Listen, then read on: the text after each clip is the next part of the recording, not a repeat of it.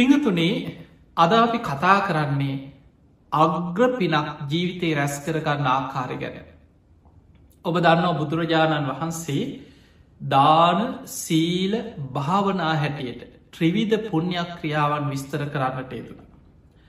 අපි කවරුත් දන්නවා පින කියන්නේ මොකක්ද පින රැස්වෙන්නේ කොහොමද කිය ඇහවොත් දාන සීල භාවනා ත්‍රිවිධ පුුණ්ඥක් ක්‍රියා. මේ ත්‍රිවිධ පුුණ්ඥක් ක්‍රිය අතර දානය අපි කවුරුද්දන්න.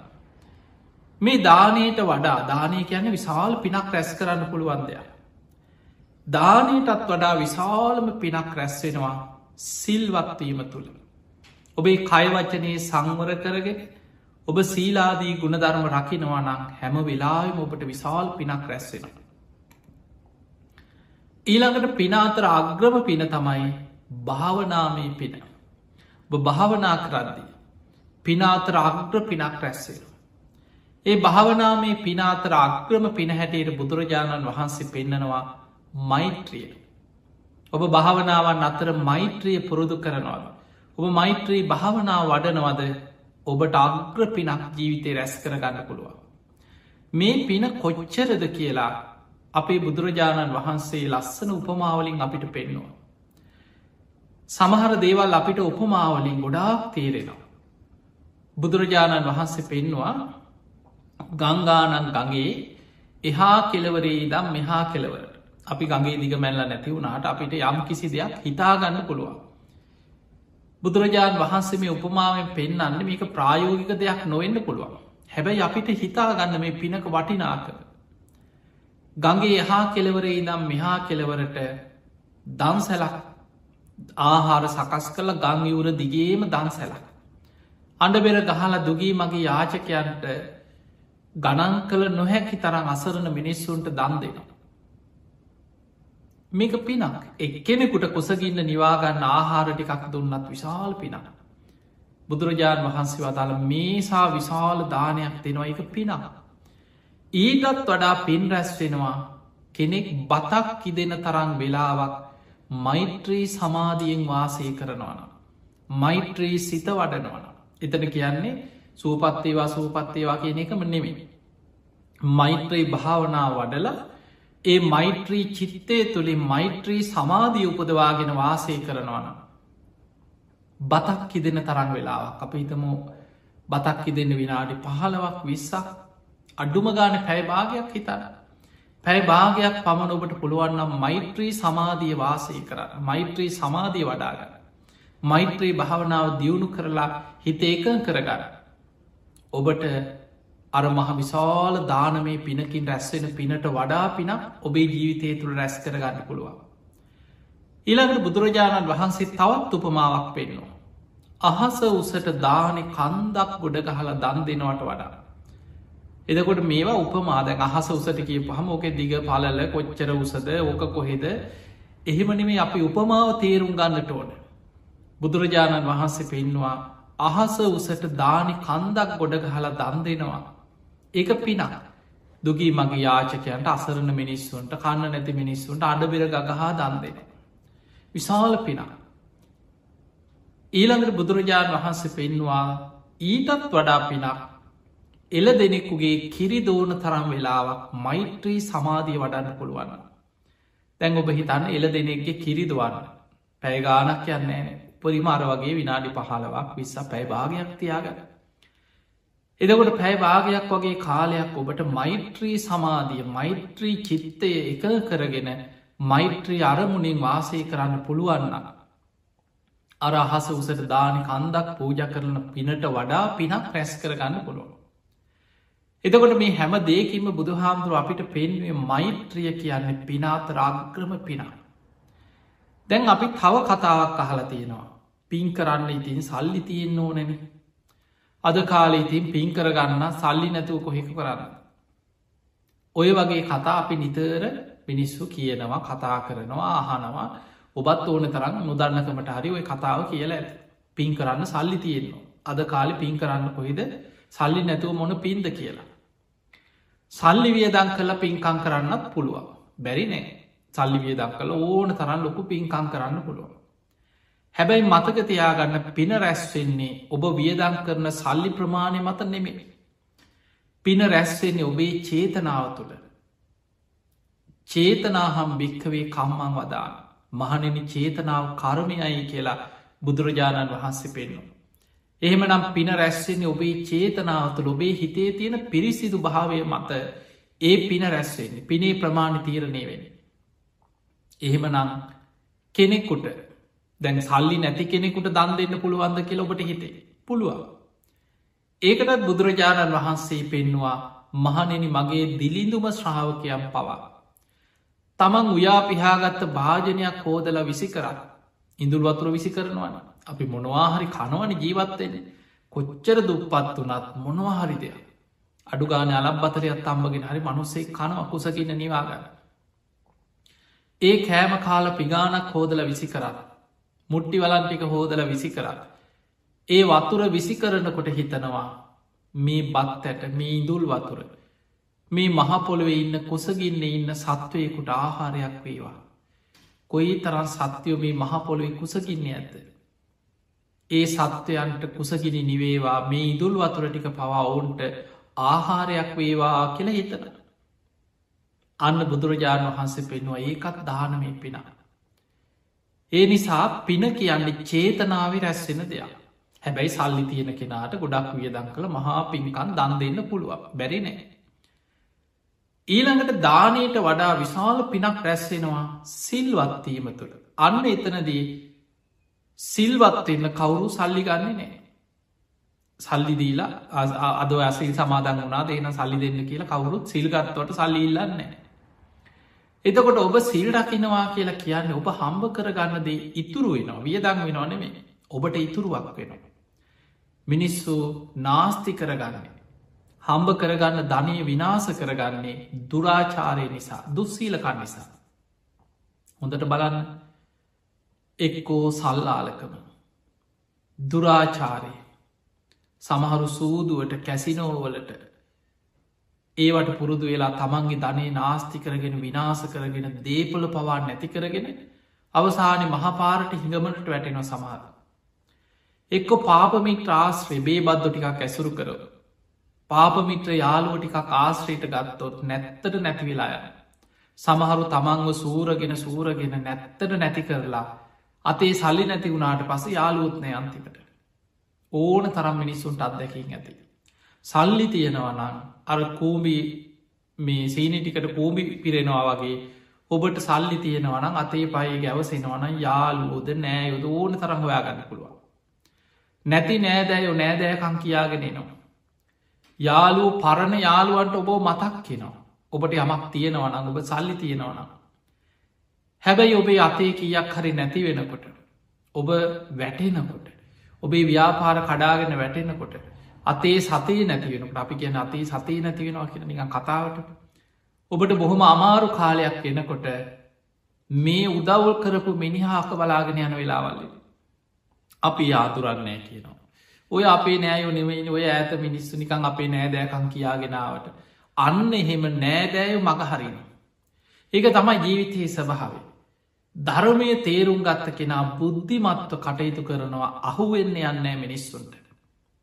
අන්නේ නිසා සිල්වත් කෙනා ඉතුරු කරගන්න.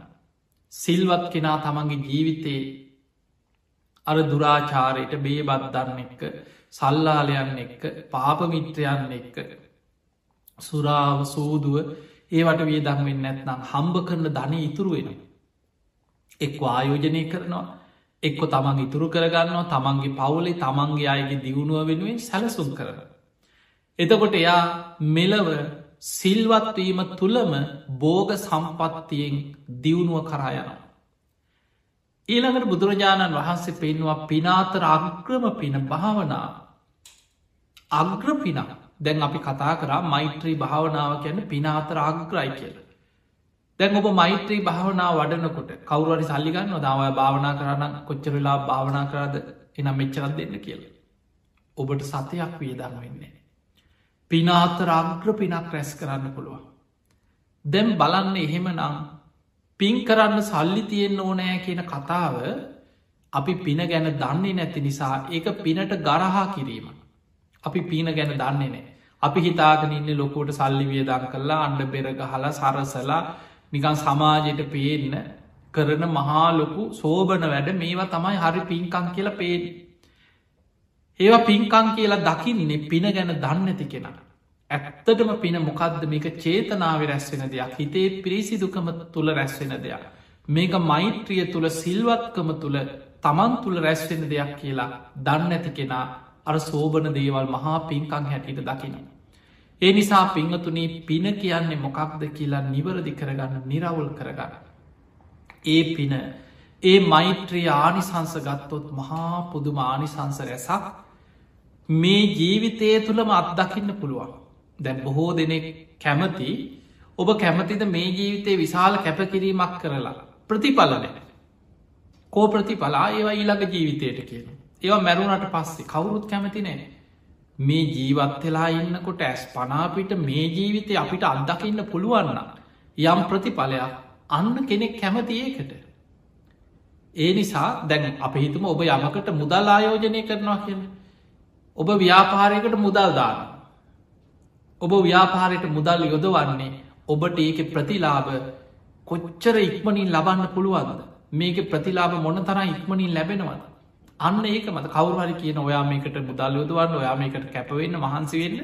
හැබැයි වාට ප්‍රතිඵලය ලැබෙන ඊළඟ ජීවිතය වාට පස්සේ මැරුණට පස්සේ කවුරුත් කැමති නෑ මේ ජීවිතේ ලබන්නයි කැමති. මේ ධර්මය මතකතියාගන සන්දිිට්ටිකයි අන්න මේ ධර්මය තියෙන ප්‍රධානම ලක්ෂණ ටික.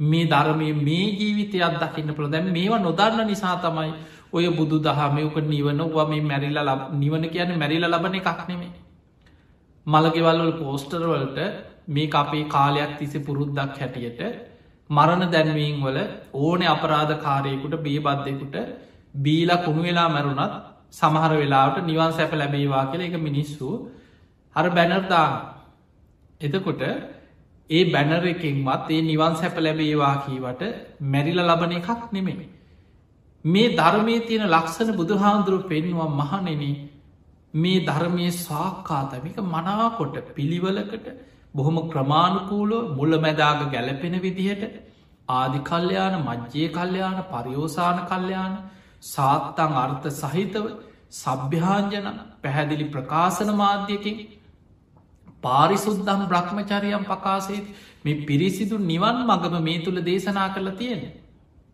එනිසාපි කෙන සාක්කාතයි. ඊළඟට මේ සන්දිිට්ටිකයි. මේ ජීවිතේ අත්දකින්න පුළුව මේක මැරිලනම මේ ජීවිතේ මෙලව මේ ජීවිතය ඔබ භාවනාකරොත් මෙලවම ඔබට ඒ මොහොතෙම ඒක ප්‍රතිඵල අත්දකින්න පුළුවන්කම තියෙන සන්දිිට්ටිකයි. ඊළඟට අකාලිකයි. ආවක බුදු හාමුදුරු හිටිය. අවුරුදු දෙදස් පන්සීයකට හයසීකට හා ඒවයිතින් ඒ කාලෙ මේ කොච්චර පරණද අදට ඕක ගැලපෙන්නේ ඔය කතා කියන පිරිසක් ඉන්නවා. ඒ ධර්මය අධ්‍යනය කළ නෙමේ අපිට ගැලපෙන් නැතිව ඇදුම් පැළඳුම් යානවාහන පරණ ගෙවල් දොරවල් පරණ ක්‍රම ඒවා කාලෙන් කාලෙට යාවත් කාලීන වෙවි වෙනස් වෙවී යන හැබැයි ධර්මය හිතහදන වැඩ පිළිවල එදා මිනිස්සු තුළ තිබුණේ රාගදවේශ මෝහමයි.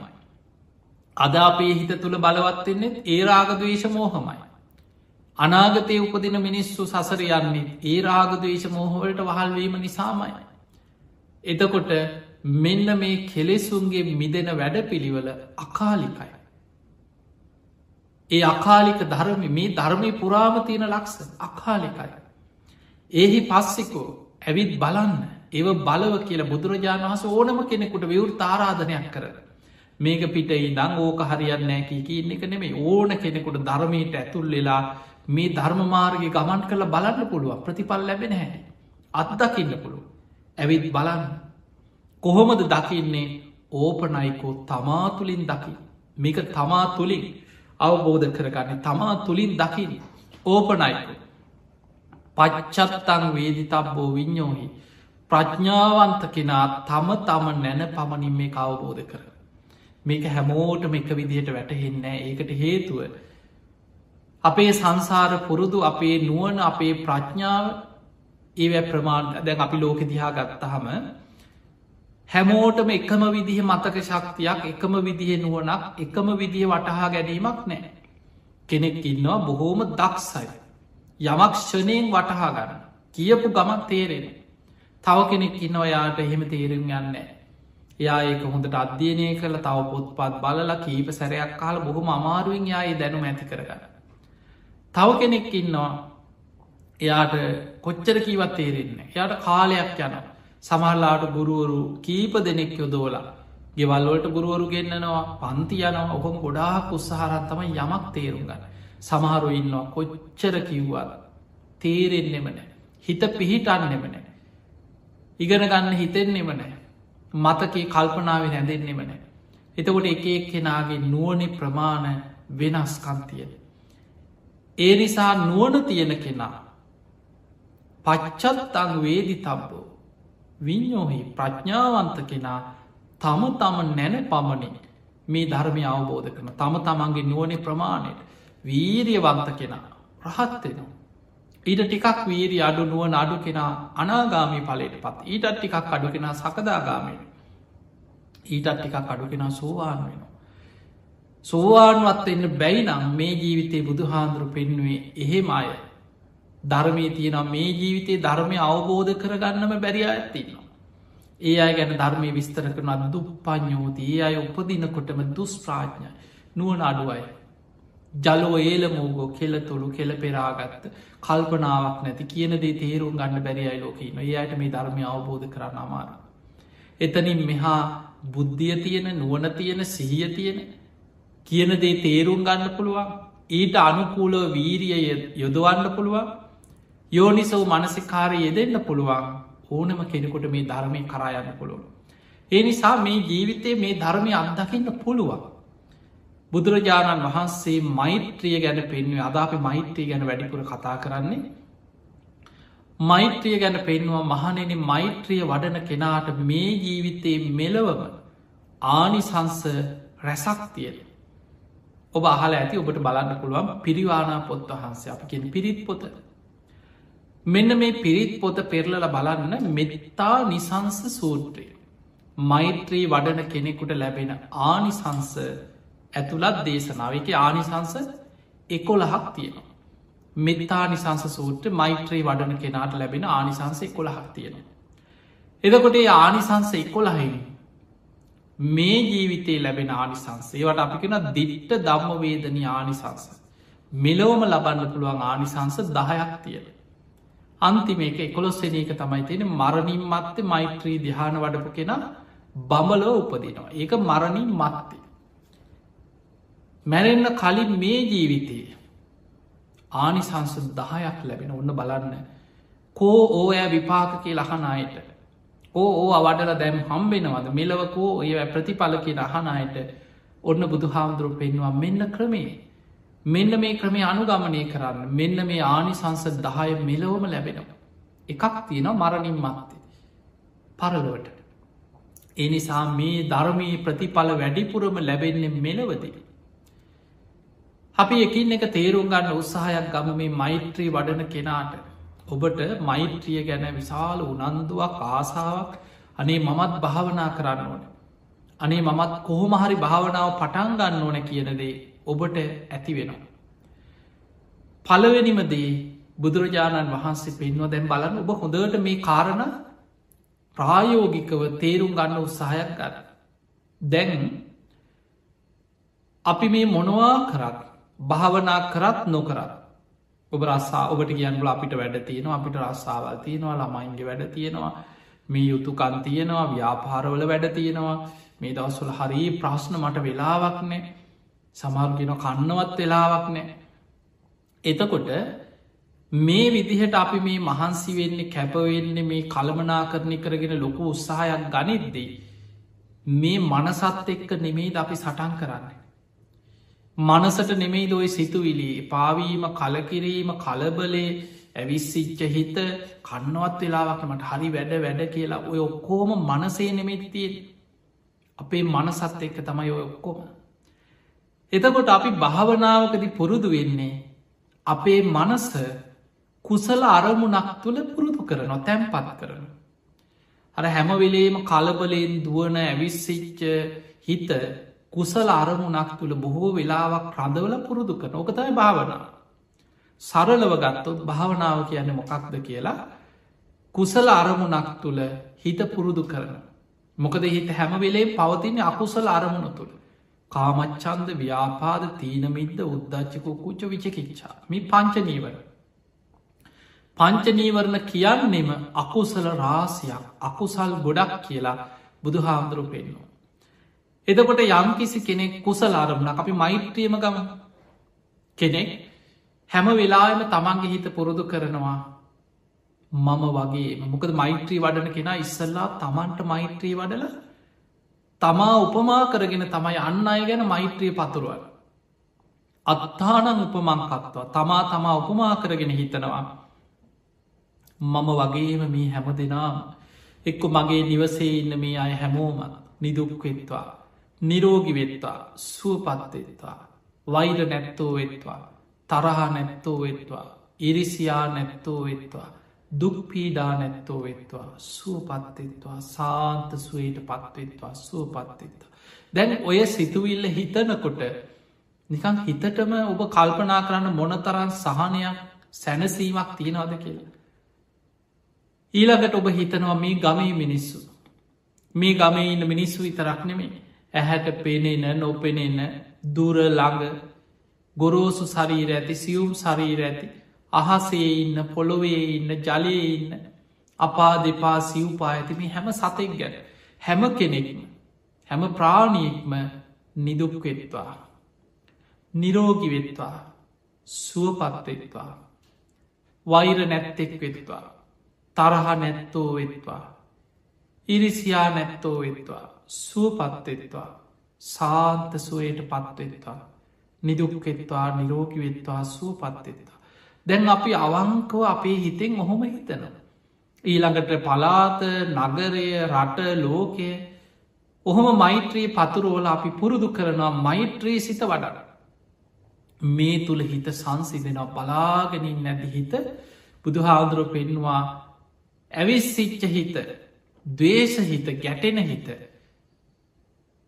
ගින්දරකට කුකුල් පිහාටක් ඇල්ලුව වගේ තමාතුළ ඇකිලිලා යටපත් වෙලා යන.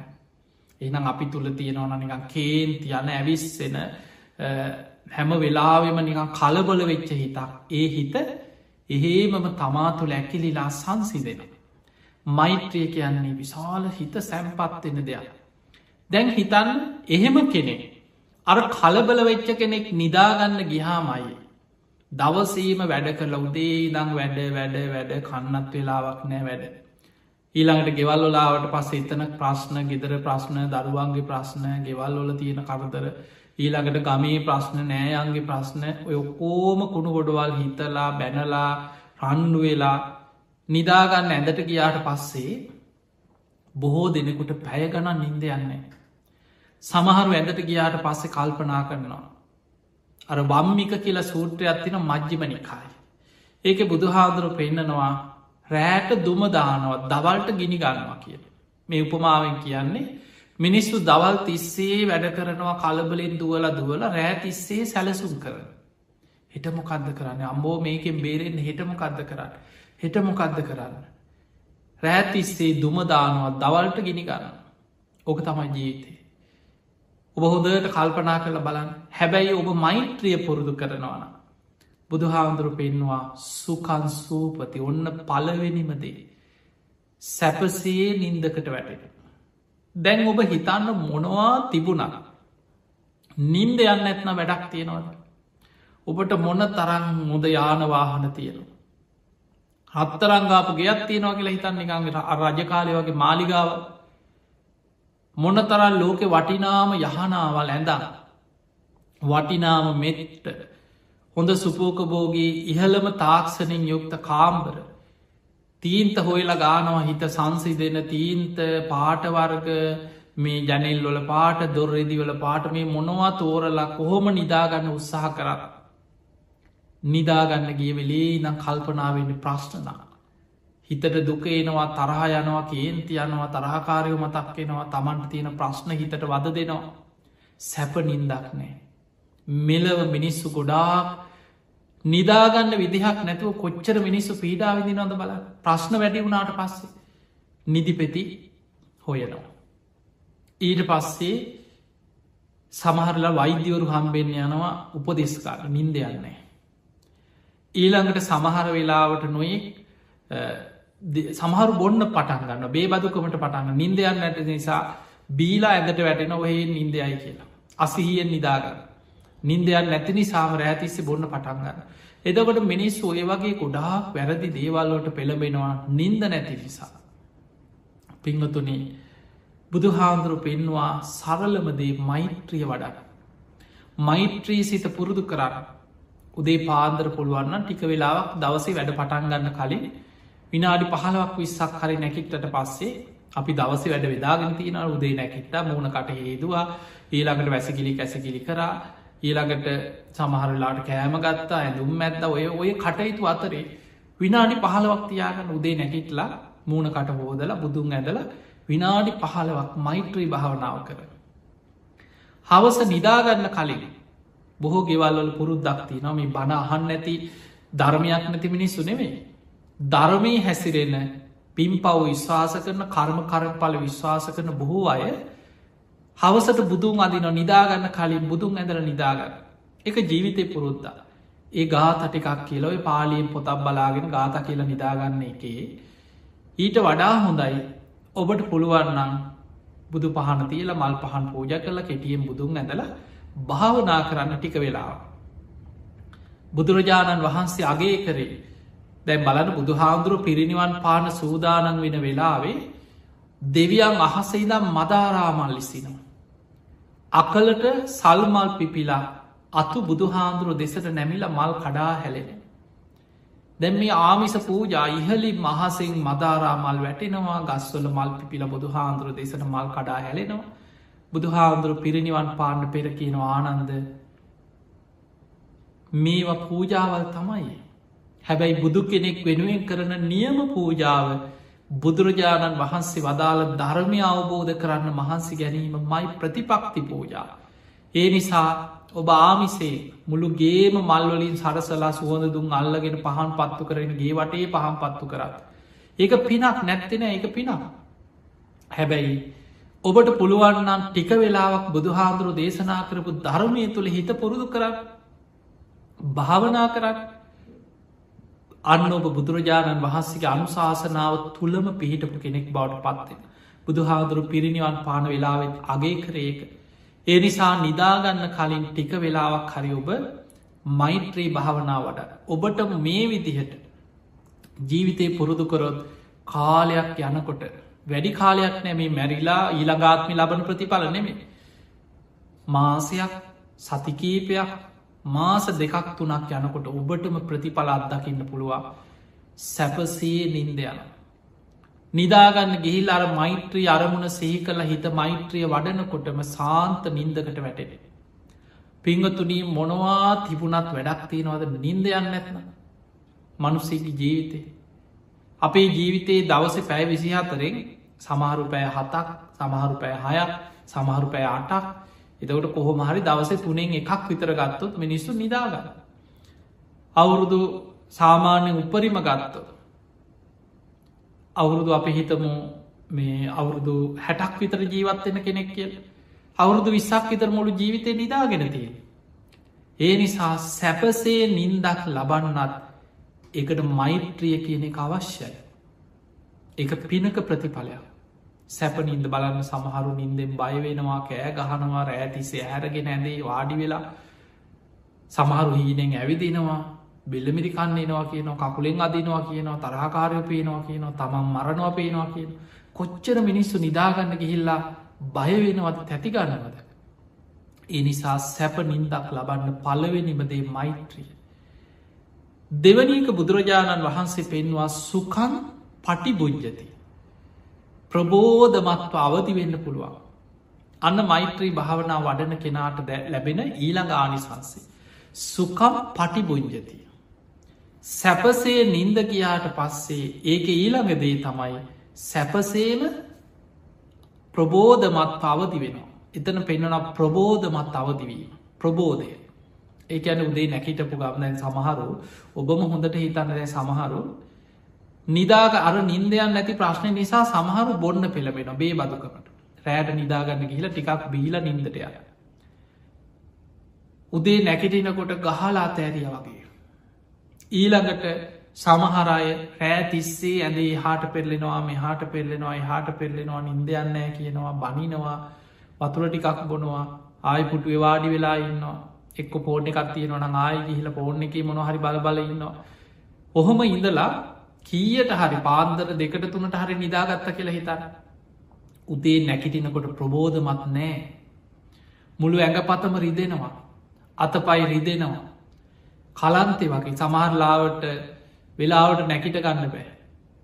ටික වෙලාවක් යනවා නැකිටලා වාඩි වෙලා වතුතේ එකක් බීලා උුණු අතුර ටිකක් බීලත් ටිකක් අතපය හෝදගෙන සමට පැයක් ඉතර යනවා චුට්ටක් ඇඟට පණගහලයි ඒනම් අපිට පේනවා සැප නින්දක් නැත්නම් ප්‍රබෝධමත් අවදිවීමක් ලබන්නත් බෑ.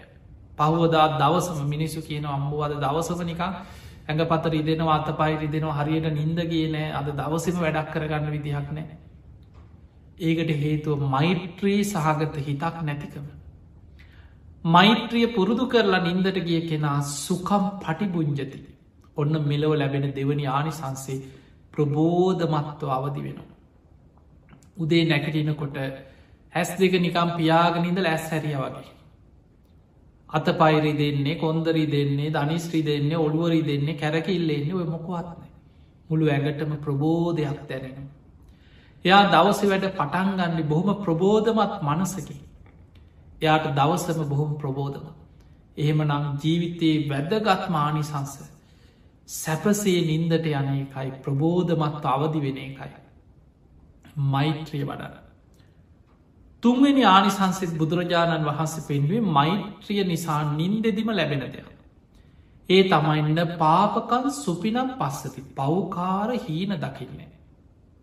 මේ හීන කියන දේවල්. සාමාන්‍ය මිනිස්සු කියනවා සැප හීනයක් එකැන් සාමාන්‍යෙන් කියනවා හොඳ හීනයක් දකින්න ලැබෙන. සමහරුවේ ප්‍රාර්ථනා කන සුයි ඩ්‍රීම් කියලා එතකොට ඒ වගේ සැප හින්නේ හොඳ හීනයක් දකින්න ලැබෙන කියලා. හැබැයි මිනිස්සුන්ට අර හිතේ තරහාව කේන්තිය දවේශය මේවා වැඩි වෙලා නින්දට ගියාට පස්සේ හීනෙන් පේනෙ තර තරහාකාරය. එක්කෝ මොකෙක් හරි දැකලවත් නැති සත්තු කොටියෙක් පන්නනවා. අලි පන්නනවා තමහ තමන්ට. එතකොට ඔව තමයි හීන පේ. එක් අලියෙක් පන්නනවා කොටියෙක් පන්නනවා සරපයෙක් පන්නනවා තමන්ගේ ගේ වටේ සරපයෝ පිරිලයින්නවා එක්ක කවුරු හරි ඇවිල්ල බෙල්ල මිරිකනවා. තමන්ට ආවිදයකින් අනිනවා පොල්ලකින් ගහන ඕව තමයි පේ එක්ක හොල්මම් පේනවා ඇදවට යක්කු ඉන්නවා පේනවා. සමහරුන්ට මේ වගේ භයානක හීන නිතර නිතර හිතට වදදිදී පේනවා. ඒකට හේතුව මෛත්‍රියක් නැතිකම. අර දවල් තිස්සේ ගිනි ගන්නකොට රෑට දුමදානවා කිවේ එකයි දවල් තිස්සේ ඔළුව කලබලේ. හැම වෙලාම ප්‍රශ්න ප්‍රශ්න ප්‍රශ්න ඔළුව ගිනි අරගෙන තියෙන. රෑ ඉන්දට ගියාට පස්සේ ඒවයි කේක සුරූපෙන් තමන්ගේ මනසට විකෘති විදිහට බලපෑම් කරන. ඒ නිසා සැප නින්දක් ලබන්නත් ප්‍රබෝධමත් අවදි වෙන්නත් හීනෙන් බයවෙන් නැතුව භයානක හීන දකිින් නැතුව සැපසේ ගැඹුරු නින්දක සුව නින්දක් ලබන්නත් ඔබ මෛත්‍රිය වඩ දැම් බලන්න මෛත්‍රිය මෙලව මේ ඔක්කොම් මෙලව ලැබෙන ආනිසංස. ඊළඟට බුදුහාන්දුරු පෙනවා මෛත්‍රී වඩන කෙනා ලස්සන වෙනවා කියලා. ගොඩාක් දෙනෙ කාසයිනමින් ලස්සන වෙන්න අද බලන්න වැඩිපුරම ගත්තොත් ඔයි රූපලාවන්‍යාගාර වැඩිපුරම ගත්තොත් සාමාන්‍ය පිරිමින්ට වඩාම කාන්තාව තමයි වැඩිපුරම ඒවට ආස කරන්න.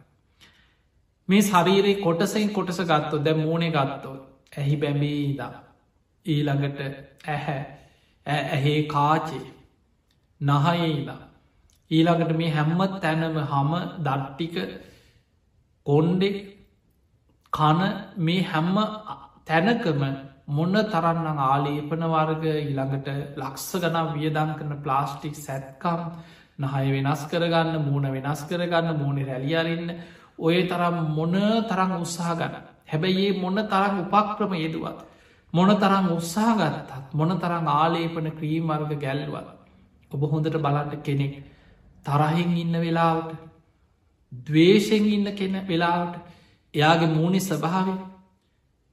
දැම් මෙතන ලස්සන වෙනවා කියන්නේ සුදු වෙන එක නෙමේ හමේ පාට ගැහෙන එක විතරක් නෙමේ සුදු අය කොච්චර ඉන්න අදකම බලන්න බෑ යක්කු වගේ සුදු කෙනෙ කර හම පොත්ත සුදු කෙනෙ උපදිනකොටම හම සුදු කෙනෙ තරහගයාට පස්සේ මූුණ ලේ කැල්ල වගේ වෙන මේ මූනට ලේ පිරෙනවා. තරහ යනකොට සම්පූර්ණ මූුණ රත්තු වෙලාය ඇස් රත්තු වෙන දවේශයක්ත එක්ක. ඊළඟට කල් සාමාන්‍ය හමක් තියෙන දැන් ලංකායි වගේ සාමාන්‍ය කල්පාට හමක් තියෙන නිකං තලෙලු හමක් තියෙන කෙනෙකුට කේන්ති ගයාට පස්සේ තරහගයාට පස්සේ යාගේ මූුණට ලේ පිරෙනකොට තවත් කලුවෙන. ගොඩා කළුපාට රෞද්‍ර පිදිහ පෙනුමක් යාට පේන පටන්ගන්න. මිනිස්සුන්ට එයා අර පහමේ පාටෙන් නෙමේ මිනිස්සු ආකර්ශනවේ තැන් අපි දන්නවා ලෝකයේ සමහර පුද්ගලයන්ට ඒ පුද්ගලයන්ගේ අර මෛත්‍රියත් එක්ක මෛත්‍රී පිනත් එක මිනිස්සු ආකර්ශණය වෙන. සමහල්ලාවට එයාගේ මේ ඇගේ හමේ පාටවත් ඒ වෙන කිසි දෙයන්නෙම නමුත් එයාගේ මෛත්‍රයේ වචනය ඔබ සාමාන්‍ය බලන්න වර්තමාන ජීවත්වෙන අයකෙක් ඔබ දන්නවා දලයිලාම ගැන බලන්න. බොහෝ මෛත්‍රී සාගත මෛත්‍රිය වඩන කෙනෙ. එතකොට දැනට අපේ තේරවාදී බුද්ධහම නොවනත් බෞද්ධ මහායානික ටිබෙට් රටේ ආධ්‍යාත්මික නායක හැටිට ලෝක බොහෝ රටවල දැන් අද අපිකත්තුට ලෝක පුරා යනකොට අපේ තේරවාදී ධර්මය ලෝකයට අරගෙන ගිහිල්ල මේ ලෝකයේ තේරවාදී ධර්මය බලවත්ව ඉහලට අරගෙන ගිය පිරිස බොහොම අඩුයි ලෝක ගොඩක් රටවල බටහි රටව ලංකා වගේ රටවල නම් ලංකා අපේ තේරවාදී ධර්මය ලංකාව බුරුමය තායිලන්තය වගේ රටවල බොහොම ඉහලින් බලවත්ව තියෙනවා. නමුත් බටහි රටවල්ලෝට යනකොට දලයිලාමා කියන පුද්ගලයා ලෝකයේ බෞද්ධ ආධ්‍යාත්මික නායක හැටියට ලෝකෙ බොහෝ රටවල්වල විශාල පිළිගැනීමක් තියෙන. සමහ රටවලට ඔහු එනකොට ඔහු සමහර දේශනාවල ලොකෝ දෙයක් කතා කරනවත් නෙමේ. හැබැයි ඔහු වටා ලක්ෂ ගානක පිරිසක් එකතුයි. අපි දැකලා තිනවා සමහර ඕගේ වැඩ සටහන් සමහ රටවල්ලෝට ආපු අවස්ථාවල ලක්ෂ ගනම් මිනිස්සු පිට්ටනිවලට ලක්ෂ ගණන් එකතු වෙලා. අර පොඩි දේශනා පැය භාගික පැයක පොඩි දේශනාවක් අහන. ලක්ෂ ගනම් මිනිස්සු එකතු වෙනවා. ඔහුගේ එක වච්චන එකට. ඒ දේශනාවකට මිනිස්සු ඇවුන්කන් දීගෙන ලෝක පුරා ලක්ෂ ගනම් මිනිස්සු ඒ දේශනාවල් අනුගමනය කරන. එතකොට මිනිස්සුන්ට ඒ ප්‍රිය ස්භාව ඇති වෙලා තියෙන මෛත්‍රියත්තේ. ද ලෝකෙ සමහර පුද්ගලයෝ ගත්තොත් ලෝක ජනප්‍රියම පුද්ගලයෝ. ඒ අයගේ මේ හමේ පාට නිසා මේ ඒ පෙනුමින් ලස්සන නිසා නෙමේ ඔවුන්ගේ පෞරුෂය පෙරපින ඒ නිසා කෙනෙකුට ආකර්ශණී ස්භාවයක් ඇතිවෙන. එනිසා පිංහතුනේ බුදුරජාණන් වහන්සේ පෙන්වා මෛත්‍රිය වඩන කෙනාගේ මුහුණේ එයාගේ ඇස් දෙකින් එයාගේ හිනාවේ එයාගේ සුරූපයෙන් ඒ මෛත්‍රිය අන්න අයට දැනෙනවා එක පැතිරෙනවා. ඔබ හොඳට බලන්න ඒ නිසයි බුදුහාන්දුරු පෙන්වේ ඊළගානි සංසය හැටියට මනුස්සානම් පියෝහෝති. මෛත්‍රී වඩන කෙනා මෙලව මනුස්්‍යයන් අතර බොහෝම ප්‍රිය කෙනෙක් වෙන. එයාගේ මෛත්‍රිය නිසාම හරියට මිනිස්සුන්ට එයා ප්‍රියයි. හරි ආසයි මිනිස්සු යත් එක කතා කරන්න. දැන් සාමාන්‍යනිකන් දැනුමක් තියෙන විදිහට හිතන් කවුරු හරි ඉන්නවා හොඳට සේල් රකින්න. ප්‍රාණගාත කරන්න හොරකං කරන්න වැරදි ජීවිතක ඒවත් මෛත්‍රියම තමයි. එතකොට භාවනාවක් හැටියට මෛත්‍රිය වඩන. ඒ මෛත්‍රිය වඩන කෙනා තමන්ගේ කතාව ක්‍රියාව හැම දෙයක් තුළ මෛත්‍රිය තියෙන. වචනයක් කතා කරත් කාගවත් හිතක් රින්ද වන්න. ක්‍රියාවෙන්වත් තව කෙනෙකුට හිංසාවක් වෙන ක්‍රියාවකේ දෙන්නේ. හැම වෙලාම හිතනවා මගේ වචනයක් නිසා මගේ ක්‍රියාවක් නිසා තව කෙනෙකුට හිංසාවක් නොවේවා. එහෙම කෙනෙක් පාරක දැක්කක්. අනිත් අය ආස යන්න ආසවල් කෙන අනි ඔය මනුස්සයක කතා කරත් හිතට සංසිදෙනවා. වචනයක් කතා කරත් ඇති හිත සැනසෙනවා. පාරක එනවා දැක්කනම් බලෙන් හරි ආයක්කේ කියලා කතා කරන. ඇයි මෛත්‍රිය වචනය වචනවලත් මෛත්‍රිය පිරිලා හිත සංසිදෙන. හැබැයි අපි දන්න සමහර පුද්ගලයෝ ඉන්නවා කේන්තිය. හැම වෙලායි මර ගිනි අරගෙන පත්තු වෙලායි. කවුරු හරි හිනා වුනත් ඇයි මොකද ඔබ කිය läඟට එනයි ඉන්නවා. ඔබ හොඳට බලන්න එහෙම චරිත ඔබ වැඩ කරන තැන ඇති ගමේ ඇති නෑදෑය අතර ඇති යාළු අතර ඇති. හැම්ම විලේම කේන්තියෙන් කාරණ්ඩු එන්න කාගේ හරි පැටලෙන්න බලාගෙන ඉන්න චරිත ඉන්න. දවේශ චරිත. එහෙම කෙනෙක් පාරයනවා දැක්කොත් අපි හිනා වෙලා කතාවට යනවද. එක්කො දැක්කි නෑ වගේ එක්කෝ බොරුවට හරි පෝර්ණ එක කනේ තියාගෙන හරි නිකං කෝල් ඒක වගේ හදිස්සියක් මේ ම පස්සෙ කතා කරන්නම් කියලා අහක බලාගෙන මගෑරල යන ඒව මගහැරීමෙන් ප්‍රහණය කළ යුතු ආශ්‍ර මගාරන්න ඕන නැත්නල් ලෙඩක් මිනිස්සු කැමති නෑ දවේශයෙන් වෛරෙන් කේන්තියෙන් ඉන්න කෙනෙක් ඇසුරු කරන්න හැබැයි මිනිස්සු ප්‍රියයි හරී කැමති මෛත්‍රී සහගත කෙන ඇසුරු කරන්න එතකොට සමාජය තුළ ඔබ ජීවත්වෙන පරිසරය තුළ මෛත්‍රිය වඩන කෙනාට මිනිස්සුන්ගේ විශාල ආකර්ශනයක් ගොඩ නැගෙනවා මෛත්‍රිය නිසා. එයා බොහොම පැහැපත් එයා ප්‍රියසීලී එයා බොහොම මෛත්‍රී සහගත හිත ඇදිල යන කෙනෙක් බවට මෛත්‍රිය නිසා සමාජි පත්තෙද. එය මෙලවානිසංස. ඊළඟට බුදුහාන්දුරුව පෙන්වා මේක මිනිස්සුන්ට විතරක් දැනෙන දෙයක් නෙමෙයි. අමනුස්සානම් පියෝති මේ නොපෙනෙන ලෝකයේ තුළ අමනුස්්‍යයන් පවා මෛත්‍රයේ වඩන කෙනාට ප්‍රියයි.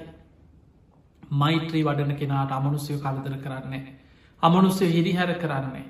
මෛත්‍රිය වඩන කෙනා මිනිස්සුන්ට විතරක් නෙමෙයි සබ්බේ සත්තා භවන්තු සුකි තත්තා.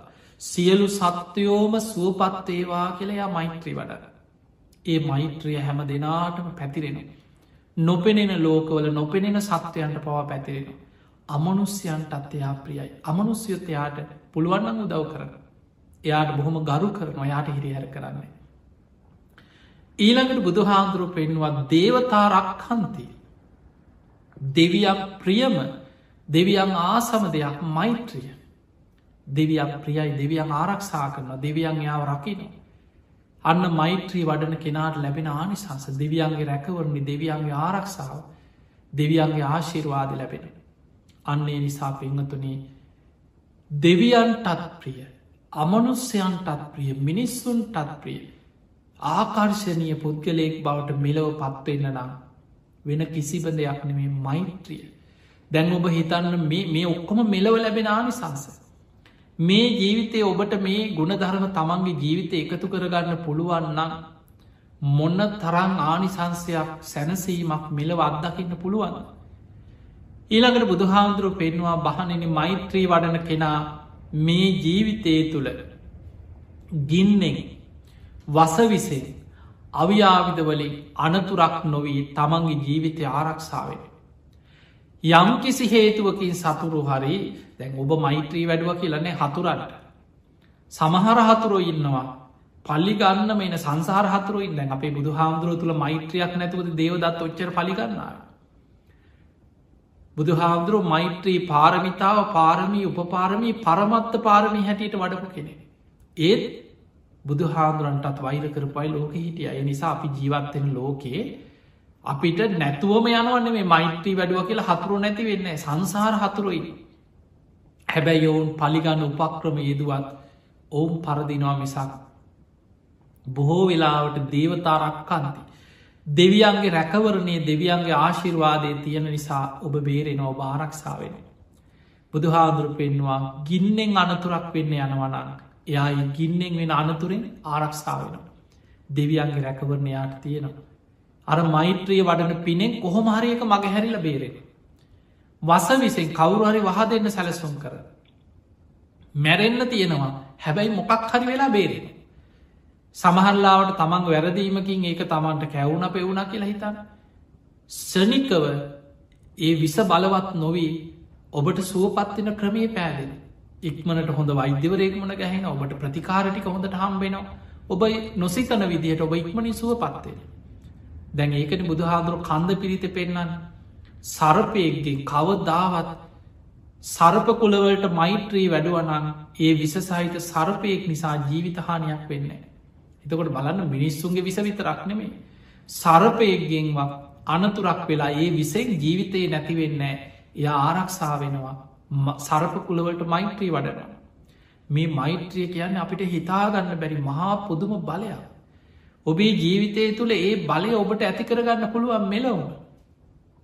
ඊළඟට අවිආවිදවලින් කවුරු හරි වෙඩි තියන්න හරි ගලකින් ගහන්න හරි මොකක් හරි වෙනත් ආයුදයකින් හරි මොකක් හරි උපක්‍රමය අප හිතම ඔබ දන්නේ නෑ ඔබ යන පාරි සමහල්ලාට කොහරි බෝම්භයක් තියෙනවා. අප හිතම නිකං ඒ කාල බෝම්බ තිබ ප්‍රත්තක උතුරු ප්‍රදේශ හරි කොහ හරි හදිසි යන්න ගිහිල කැලෑ පාරකාරි බිම්බෝම්භයක් වල්ලපු තැනක් කියල හිතන්න. මෛත්‍රිය වඩන කෙනා අර පින බලවත්න සමාටට පෙරාකු සල්ල එක කර්ම විපාකත් එක්ක තමන් එකගේ අනිත්ත ඇදිලා ඇන්න පුළුව පින බලවත් වෙච්ච කෙනාට සමහල්ලාට ඒ වෙලාවේ එක්ක මොකක් හරි බැහැල හරි හදිස්සිය මොකක් හරි හේතුවකින් ආපහු යන්න ගෙදිල හරි ඔහු බේරෙනවා. අනිත් අයි සමහල්ලාවට කර්මාන් රූපිය යහුවේ අපිට ගින්නෙන් අනතුරක් වෙන්න තිබ්බත් වස විසයකින් අනතුරක් වෙන්න තිබ්බත් අව්‍යාවිදයකින් අනතුරක් වෙන්න තිබ්බත් මෛත්‍රිය වඩන කෙනා මෛත්‍රී ආනි සංසින් රැකෙනවා කියල බුදු හාන්දුරු පෙනු ආරක්ෂාවෙන දැම් බලන්න මෙලව මොන තරම් ආරක්ෂාවක්ත ජීවිතය මෛත්‍රිය? ඊළඟට බුදුහාදුර පෙන්වත් තුවටන් චිරිතන් සමාධියතිය. ඔන්න මෛත්‍රී වඩන කෙනාගේ හිත ඉක්මනින් එකඟ වෙන. ඇයියාගේ හිත කලබලෙ නෑ ඇවිස්සිලා නෑ දවේශය තරහා වෛරය ඒ ඔක්කොම සංසිවිලා බොහොම තැම්පත් සාන්ත හිතක් දැක. ඉක්මනින් හිත සංසිදෙන. තුවටන් චිත්තන් සමාධීද. ඊළඟට මෙලව තව ඇදගත්ම දෙයක් මෛත්‍රය කියන මහා පිනක්. ඒ පින නිසාම මරණාසන්න මොහොතේ සිහිමුලාවෙන් නෑ කියල බුදු හාන්දුරපෙන්නවා. අන්න මෛත්‍රී භාවනාව වඩන මෛත්‍රිය වඩන කෙනාගේ මෙලව බලවත් මානි සංසය. මෛත්‍රිය වඩන කෙනා මරණ මංචකී සිහිමුලාවෙන්න. ඒ පිනෙන් සිහිය රැකෙනවා කුසලේ තුළ රැකෙනවා. කොච්චර වටිනවාද කියල බල අපි මේ මොනවා කරන්න. මරණ මංචකේ සමහල්ලාවට කේන්ති ගිහිල්ලා තරහ ගිහිල්ලා ඔළු අවුල් වෙලා සිහි කල්පනාව නැතුව මැරෙන්න්න වුණොත් ඊළඟ උපත ගැන අපිට කොහේ අයිද කියල විශ්වාස කරන්න බෑ සතරාපාය මහගෙදර කරගත්ත ගමනක් අපියන්න. හැබැයි ඔබ මෛත්‍රිය වඩනවනක් ඔබ මෛත්‍රිය ප්‍රගුණ කරපු කාලයක් පුරුදු කරපු කෙනෙක් නම් ඒ පිනේ මරණ මංචක ඔබේ සිහිය රැකෙනවා. ඔබ සිහිමුලාවෙන්නේ. ඔය ආනිසංස ඔක්කෝම මෙලවට. පරලවට එකක් තියෙනවා බුදු හාමුදුරු පෙන්වා මහනනේ එයා මරණින් මත්තේ මෛත්‍රී දිහාන වඩපු මෛත්‍රී සමාධී වඩපු කෙනෙක් නම් එයා බ්‍රහ්ම තලවල ඒ ඒ සමාධයට අනුව බඹලව උපදිනවා කියල බුදු හාන්දුර පෙනෙ. එතකොට බලන්න මේ ආනිසංස ඔක්කොම මෙලව ලබන්න පුළුවන් ආනිසංස. ඒ තමයි පිනාතර අග්‍රම පින දියුණු කිරීමේ මෙලව ලැබෙන ආනිසංස. මෛත්‍රිය කියන පිනාතර අග්‍රම පිනක්. ඒ අග්‍රපින ඔබේ ජීවිතය තුළ ඔබ රැස් කරගන්න. ඔබේ ජීවිතය තුළ ඔබ එකතු කරගන්න මේ ආනිසංස ජීවිතය ලබන්න උත්සාහ කරන්න. ඉතිං අපි ඔබ හැම දෙනාට මාශීර්වාද කරනවා. වටිනා මනුස්ස ජීවිතය තුළ. ඉතා වටිනා ධර්මයක් බුද්ධ ශාසනයක් මුණ ගැහුණ. ඔබේ ජීවිතය ඔබ අනිත් දේවල්ලෝට කැපවෙලා මහන්සුවෙනවා වගේ ඔබ වෙනුවෙන් ඔබේ ජීවිතය රැකගන්න ඔබේ ජීවිතය ආරක්ෂා කරගන්න මේ භයානක සසර ගමනින් මිදන්න ඔබ වීරිය ගත යුතුයි. ඒ පිණිස ඔබ හැම දෙනාටම මේ ධර්මාණු ශාසනාව ආශිර්වාදයක් වේවා කියලපි ආශිර්වාද කරනවා. පිංහතුනේ මේ ධර්ම දේශනාවෙන් ඔබ රැස් කරගත් සියලු පිරි. සියලු දෙවියෝ සාධු කාරදිදී මේ පින් අනුමෝදන් වෙත්වා